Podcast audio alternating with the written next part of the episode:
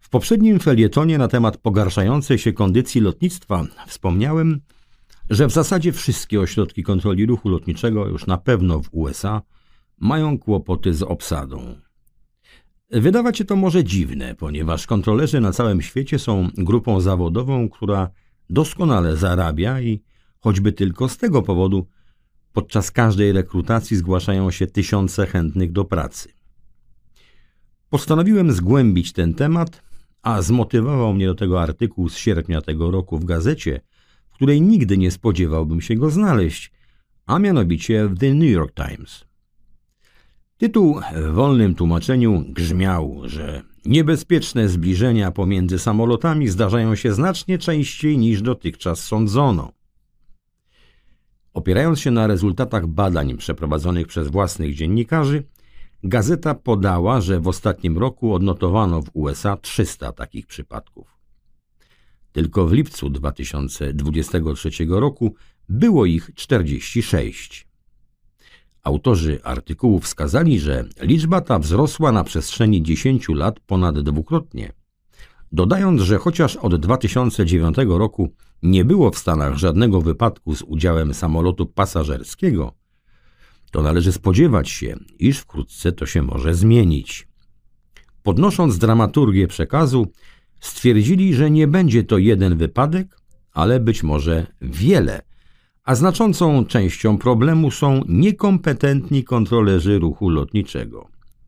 Z kolei Business Insider, powołując się na efekty tego dziennikarskiego dochodzenia, uspokaja swoich czytelników, pisząc, że Federalna Administracja Lotnictwa FAA zatrudniła w ostatnim czasie półtora tysiąca osób, mających wkrótce zasilić liczbę 2600 już uczących się zawodu, co powinno poprawić sytuację za 3 lata.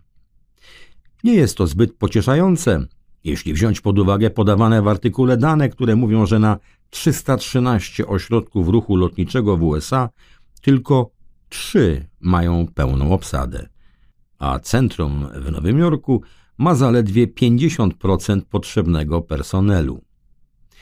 Dziennikarskie śledztwo nie doprowadziło jednak do żadnej konkluzji dotyczącej powodu tego stanu rzeczy i nie dowiemy się z niego, jaki to pomór spadł na amerykańskich kontrolerów w ciągu minionej dekady.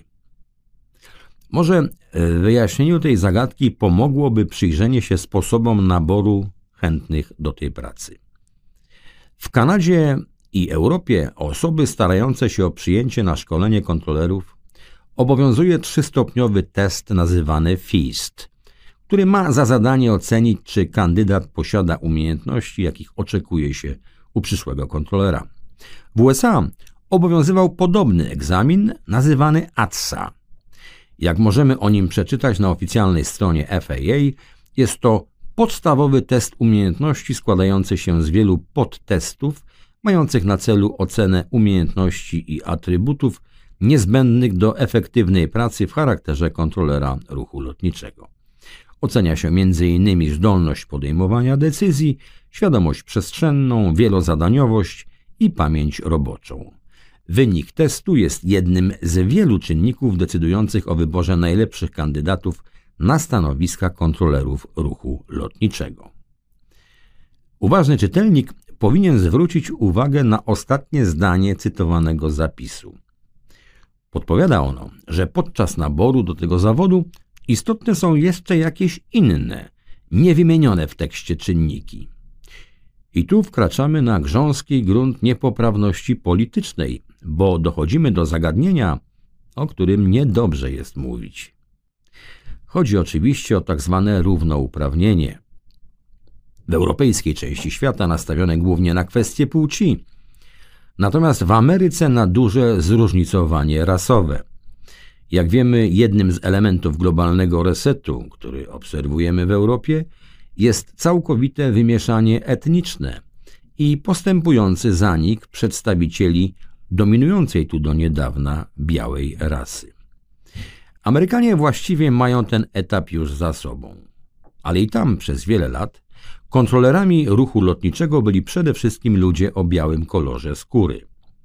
Nie będę w tym miejscu dochodził powodów, dla których tak się działo, zresztą nie tylko w tamtej części świata. Jako ciekawostkę dodam, że w krajach arabskich stojących na ropie naftowej przez kilkadziesiąt lat zatrudniano kontrolerów z Europy, tej starej Europy. Taką mieli tam fantazję, a kto bogatemu zabroni. W USA w roku 2012 prezydent Barack Obama uznał jednak, że tak dłużej być nie powinno i zlecił sekretarzowi Departamentu Transportu, którym był wówczas Michael Huerta, zadanie zmiany tej dotkliwej dla wielu nierówności społecznej. Ten spisał się nienagannie i powołany przez niego zespół opracował analizę barier w procesie zatrudniania specjalistów kontroli ruchu lotniczego. W wydanym wkrótce oświadczeniu FAA już w pierwszym zdaniu można było przeczytać, że sekretarz Huerta podjął historyczne zobowiązanie do przekształcenia Federalnej Administracji Lotnictwa w bardziej zróżnicowane i inkluzywne miejsce pracy, które odzwierciedla, rozumie i odnosi się do różnorodnych klientów, którym służymy. Tłumacząc na język zrozumiały, ludzie w FAA doszli do wniosku, że skoro pasażerowie linii lotniczych mają różne kolory skóry i są różnej płci, stan ten powinien być odzwierciedlony wśród zatrudnianych pracowników. Niewyjaśniony pozostaje udział w tym podejściu do pasażerów będących na przykład inwalidami, czyli według obowiązującej nowomowy osobami niepełnosprawnymi. Z analizy wynikało jednoznacznie, że test ATSA stanowił barierę dla pewnych grup, bo umieszczona w nim kwalifikacja rasy i narodowości wykazywała, że najlepsze wyniki uzyskiwali ludzie o białym kolorze skóry oraz Azjaci i trend ten z roku na rok wzrastał. Test zaliczało zdobycie 70%, ale te dwie grupy plasowały się w czołówce otrzymujących powyżej 85%. Nawiasem mówiąc, podobne dysproporcje występowały przy porównaniu wyników w zależności od płci. Uznano zatem, że test jest rasistowski i seksistowski. Już w roku 2014 FAA powiadomiła osoby, które w teście ATSA uzyskały powyżej 85%, że muszą przystąpić do nowego egzaminu o nazwie ocena biograficzna. Był to internetowy test osobowości składający się ze 114 pytań. Pytano w nim o takie rzeczy jak liczba dyscyplin sportowych uprawianych w szkole średniej, ilość godzin zaliczeniowych w trakcie nauki w dziedzinie sztuki, muzyki, tańca lub dramatu, zatrudnienie w ostatnich trzech latach i tym podobne. W pierwszym roku obowiązywania nowego testu podeszło do niego 28 tysięcy osób, z czego na praktykę w ośrodku szkolenia Oklahoma City zakwalifikowano zaledwie 2200. Portal stacji telewizyjnej WAFF 48 z Alabamy, powiązanej z NBC, opublikował wówczas artykuł Nowa polityka zatrudniania kontrolerów ruchu lotniczego pod lupą, w którym podano, że duża grupa kontrolerów pracujących w zawodzie od lat poddała się z ciekawości temu testowi. Żaden z nich nie zdał. Całą sprawę opisał w swym materiale konserwatywny magazyn The Daily Signal, którego tytuł mówi sam za siebie.